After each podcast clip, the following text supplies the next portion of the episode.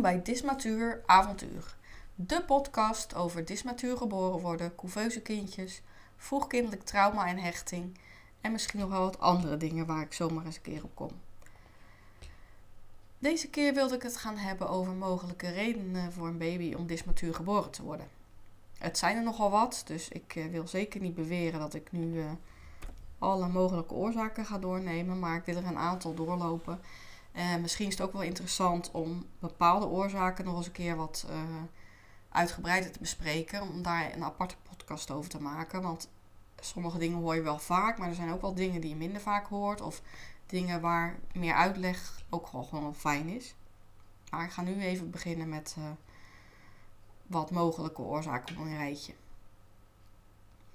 Het heeft best vaak te maken met een verkeerde aanleg van de placenta. Hij is bijvoorbeeld te klein of er zit een bloedvat minder in de navelstreng, waardoor er ja, minder goede toevoer van zuurstof en bloed naar de baby is, waardoor de baby dan ook logischerwijs uh, minder goed kan groeien.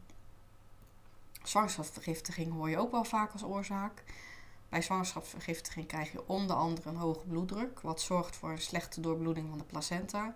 Nou ja, dus dan krijg je weer het feit dat de toevoer van zuurstof en bloed naar de baby verstoord wordt. Ehm, soms heeft of de moeder of het kind een aangeboren afwijking, waardoor een kindje ook kleiner geboren kan worden. Dus dit kan natuurlijk heel erg uh, divers zijn, want er zijn natuurlijk allerlei mogelijke afwijkingen mogelijk bij zowel moeder als kind. Maar om er even een paar tussenuit te pakken, ik heb bijvoorbeeld uh, gehoord over factor 5 lijden. Ik had zelf nog nooit over die ziekte gehoord, maar dat is een erfelijke bloedstollingsziekte. Misschien is het nog wel interessant om daar nog een keer uh, wat uitgebreider op uh, terug te komen. Omdat je het niet zo vaak hoort. Dus het is misschien wel leuk om wat meer uit te leggen over wat het uh, nou precies inhoudt. En ja, wat voor effect het kan hebben op je zwangerschap. Ik heb ook ehm, meerdere kindjes gehoord die Down-syndroom hadden. Die ook een beetje kleiner waren dan gemiddeld, zeg maar. Um, opgelopen infecties tijdens de zwangerschap. Bijvoorbeeld toxoplasmose, dat kan ook uh, dat effect hebben op een baby. En meerlingszwangerschap, dat komt ook vaak voor. Dat bijvoorbeeld het ene kindje wat kleiner is dan de ander. Ja, dat zeker als ze samen een placenta delen, dan kan dat nog wel eens. Uh, ja, dan wil dat nog wel eens anders lopen. Dan, dan is het soms niet helemaal uh, gelijk verdeeld, zeg maar. En ik heb laatst ook nog een stukje van een verhaal geplaatst. Ik ben nog bezig om dat verhaal verder uit te, werken. Maar van een tweeling waarbij de eentje behoorlijk een stuk kleiner geboren werd. Waarvoor eigenlijk geen reden is gevonden. De placenta was gewoon goed. En daar was, niet, uh, was ook geen sprake van het tweelingstransfusiesyndroom. Dus ja, dat was wel heel bijzonder uh, dat dat zo verschilde in gewicht. En bijzonder genoeg ging het dan eigenlijk met het grootste kindje nog minder goed dan met het kindje wat dismatuur geboren werd na de geboorte. Verder kan ondervoeding van de moeder, bijvoorbeeld uh, door extreme zwangerschapsmisselijkheid, dat kan er ook voor zorgen dat een kindje een stuk kleiner geboren wordt. Um, vaak wordt er een beetje makkelijk gedacht over extreme zwangerschapsmisselijkheid. Van nou ja, ik was ook misselijk en ik heb ook wel eens een keer overgegeven. Maar dat is echt wel iets anders als extreme zwangerschapsmisselijkheid. Ik heb het gelukkig zelf niet ervaren. Ik ben wel bij beide zwangerschappen de eerste drie maanden misselijk geweest. En ook bij allebei toen vijf of zes kilo afgevallen. Dus dat is natuurlijk best wel aardig wat. Maar ja, de, de, de eerste dag van de vierde maand, zeg maar, was het ook echt uh, als bij toverslag over. Heel bijzonder vond ik dat. Dat je gewoon meer kan eten en uh, niet meer misselijk bent. Maar extreme zwangerschapsmisselijkheid heb ik gelukkig nooit hoeven te ervaren. Want dat lijkt me echt heel, heel zwaar. Dismatuur geboren worden kan ook gevolgen hebben voor jouw relatie met voeding. Sowieso uh, het hele gebeuren van, uh, nou ja, van jouw ontstaan en jouw start in het leven heeft daar invloed op. Want denk bijvoorbeeld aan het feit, uh, als een eitje bevrucht is, dan moet het gaan innestelen. En die heeft dan voeding en zuurstof bij zich voor 7 tot 10 dagen. En binnen die 7 tot 10 dagen moet het wel innestelen, want anders ja, dan ontstaat er geen zwangerschap. Dus dan gaat het eitje als het ware verloren, zeg maar. Dus als zo'n eitje snel innestelt binnen een paar dagen, dan heeft het nog voldoende voeding, voldoende zuurstof. Dan is alles nog, nog fijn en prettig. Maar als dat natuurlijk zeg maar 7, 8, 9 dagen wordt, dan wordt het gewoon een kwestie van leven of dood. Want als het niet op tijd lukt, ja, dan ben je er gewoon niet meer.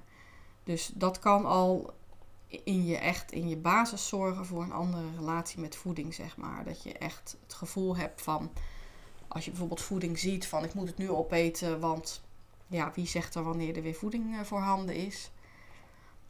Of het gevoel van er is gewoon genoeg en ik kan rustig eten en ik kan, hoef ook niet gelijk te gaan eten als ik uh, eten op tafel zie staan. Ik kan gewoon rustig wachten. Dus mocht jouw kind daar heel veel moeite mee hebben, kan te maken hebben met de situatie tijdens de innesteling of gewoon de zwangerschap zelf.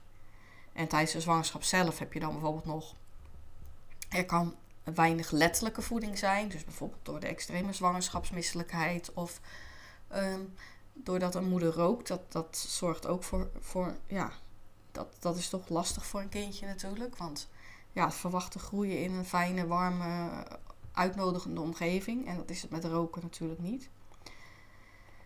En uh, kan ook te maken hebben met ongezonde voeding. Hè? Uh, veel uh, slecht eten eten, dus niet, niet veel groente en fruit en dat soort dingen. Nou, dat is natuurlijk ook niet zo bevorderlijk voor de goede groei van je kindje. En dit kan dus ook invloed hebben op jouw relatie tot voeding. En daarnaast, als je weinig figuurlijke voeding krijgt, dus als er niet echt naar jouw komst wordt uitgekeken of dat er gigantisch veel stress is geweest in de zwangerschap. Door eh, geldzorgen, door het verlies van een baan, door het verlies van een geliefde, door relatieproblemen. Dat heeft ook invloed, of nou ja, kan invloed hebben op jouw relatie met voeding. En om dat even uit te leggen, is het wel grappig om het voorbeeld van uh, mijn partner en ik erbij te halen. Uh, ik ben dan zelf dismatuur geboren, dus er was voor mij niet altijd voeding voorhanden hè, niet voldoende in ieder geval. Dus ik verwacht nu ook niet dat ik de hele dag door kan en hoef te eten. Want ja, dat was toen ook niet. Dus in mijn, in mijn kern, in mijn basis zit niet dat gevoel van ik moet steeds eten. Maar het is wel zo, als wij gaan eten en ik zie eten, dan wil ik het eigenlijk ook het liefst zo snel mogelijk opeten. Of wil, maar dat, ja, dat geeft mijn lichaam eigenlijk aan, zeg maar. Ik weet nu zelf natuurlijk waardoor dat is. Dus als ik me er bewust van ben en ik eet bewust, dan kan ik rustiger eten. Maar als ik zeg maar onbewust aan het eten ben, ik, ik ben tegelijk tv aan het kijken of ik, ik zit met mijn gedachten ergens anders, dan is de kans groot dat mijn bord binnen vijf minuten leeg is. Want in mijn overlevingsmechanisme zit het idee van je weet maar niet wanneer er weer voeding komt. Dus je moet het nu gewoon tot je nemen. En uh, wat, je, wat je kan hebben, kan je hebben. Dus uh, nou ja, opschieten. En mijn partner is dat anders. Uh, hoe zijn letterlijke voeding is geweest tijdens de zwangerschap weten we niet precies. Zijn moeder is al overleden. Maar we weten wel dat ze niet zo heel goed voor zichzelf zorgde. Dus de kans dat die voeding misschien ook niet zo optimaal was, is wel heel groot. En ook dat ze niet per se heel erg uitkeek naar haar kindje. Dus ja, eigenlijk misschien is zowel de letterlijke als de figuurlijke voeding niet zo goed geweest. En hij heeft dan eigenlijk ook altijd de hele dag door uh, behoefte aan voeding. Alge kan die het gelukkig goed hebben, dat scheelt. maar daar zit wel een groot verschil in. En het mooie ervan is dat als hij zeg maar s'avonds iets lekkers wil gaan eten en ik probeer het een beetje tegen te houden hè, voor de lijn en ongezond. En probeert hij ook wel gezonde dingen te pakken hoor, daar gaat het niet om. Maar dan ja, dan kan hij daar bijvoorbeeld een tijdje een beetje over bezig zijn. En dan zeg ik op een gegeven moment, nou, haal dan maar wat. En dan gaat hij dat halen en dan zet hij het op tafel en dan gaat hij er niets mee doen. Ja, dat kan mij dus echt mateloos irriteren. Omdat voor mij, ik moet het dan ook op gaan eten als ik het zie. En dat heeft hij dan weer niet. Als hij ziet dat het daar staat, dan is het er en dan is het ook goed. Maar bij mij is dat dus niet zo. Als ik het zie, dan moet ik het eigenlijk ook opeten ik vind het heel vervelend als ik dan nog een kwartier moet gaan wachten. Terwijl hij dan heel makkelijk, omdat hij dan, voor hem is het dan op dat moment goed, want het is er gewoon. Het is voorhanden. En bij mij is het meer zo van, ik zie je dus moet het opeten, want ja, Je weet maar niet wanneer je weer een keer eh, te eten krijgt. Dat is natuurlijk helemaal niet meer zo. Het is puur, puur een overlevingsmechanisme wat van binnen in jouw kern zit. En niet iets wat nog met nu te maken heeft. Want nu is er natuurlijk uh, meer dan genoeg voedsel voorhanden. En kan je natuurlijk altijd pakken of iets gaan maken. Of naar de supermarkt gaan om iets te halen. Dus het is echt puur ja, wat, wat in jouw lichaamsgeheugen zit. Hè? Jouw lichaam reageert dan op dat moment, of mijn lichaam in dit geval, reageert dan op dat moment met het gevoel van je moet het nu gewoon opeten. Want misschien is het wel de laatste keer voorlopig dat je te eten krijgt. En als je dat weet, dan kan je daar natuurlijk mee aan de slag. En ik vind het nu af en toe ook heel grappig. En dan kan ik er ook om lachen, omdat ik zo reageer dat ik echt zit te popelen om dan ook gelijk te beginnen. Dus ja, de momenten dat je je ervan bewust bent en ja, dan, dan kun je ook wel gewoon wachten. En dan is ook die, die dwang daarachter weg. Maar als ik bijvoorbeeld moe ben of niet helemaal lekker of ja, nou dan, dan vind ik gewoon dat we het gewoon gelijk op moeten eten. En als hij dat niet doet, dan uh, zeg ik op een gegeven moment ook wel. Ik probeer wel even geduld te hebben, maar als dat me te lang duurt, dan zeg ik gewoon van, nou ja, goed, je moet het zelf weten, maar ik ga nu eten. Want ik kan niet meer wachten. dus ja, het is wel grappig hoe zulke dingen zo uh, lang invloed kunnen hebben in je leven. En dat is natuurlijk niet alleen hiermee, maar is ook met andere dingen. Andere ervaringen van een baby tijdens de zwangerschap en de geboorte. En de eerste levensjaren zijn natuurlijk ook heel belangrijk. Nou, dit was het even voor deze keer, denk ik. Heb je op- of aanmerkingen? Wil je graag over andere mogelijke oorzaken horen? Wil je jouw eigen verhaal vertellen? Heb je tips? Uh, nou, laat het me weten. Dat vind ik hartstikke leuk. En dan eh, kan ik daar weer een mooie aflevering van maken. Nou, tot de volgende keer maar weer. Tot snel. Dankjewel voor het luisteren naar Dismatuur Avontuur. Als je contact met me wil opnemen, kan dit via verschillende kanalen. Je kunt natuurlijk een kijkje nemen op mijn website. Dan kun je ook gelijk mijn blogs lezen over couveuse kindjes, prematuur of dismatuur geboren worden, vroegkindelijk trauma en hechting. Je kunt me een e-mail sturen via valerie.geboreninzicht.nl of je kunt me volgen via Facebook of Insta, ook onder de naam Geboren Inzicht.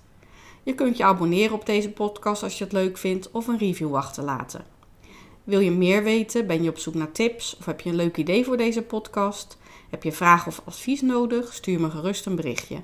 Ik geef je altijd antwoord en we kunnen altijd zien wat ik voor je kan doen. Is geen enkel probleem, dat doe ik heel graag. Nou, tot de volgende keer. Nogmaals, dankjewel voor het luisteren en tot gauw!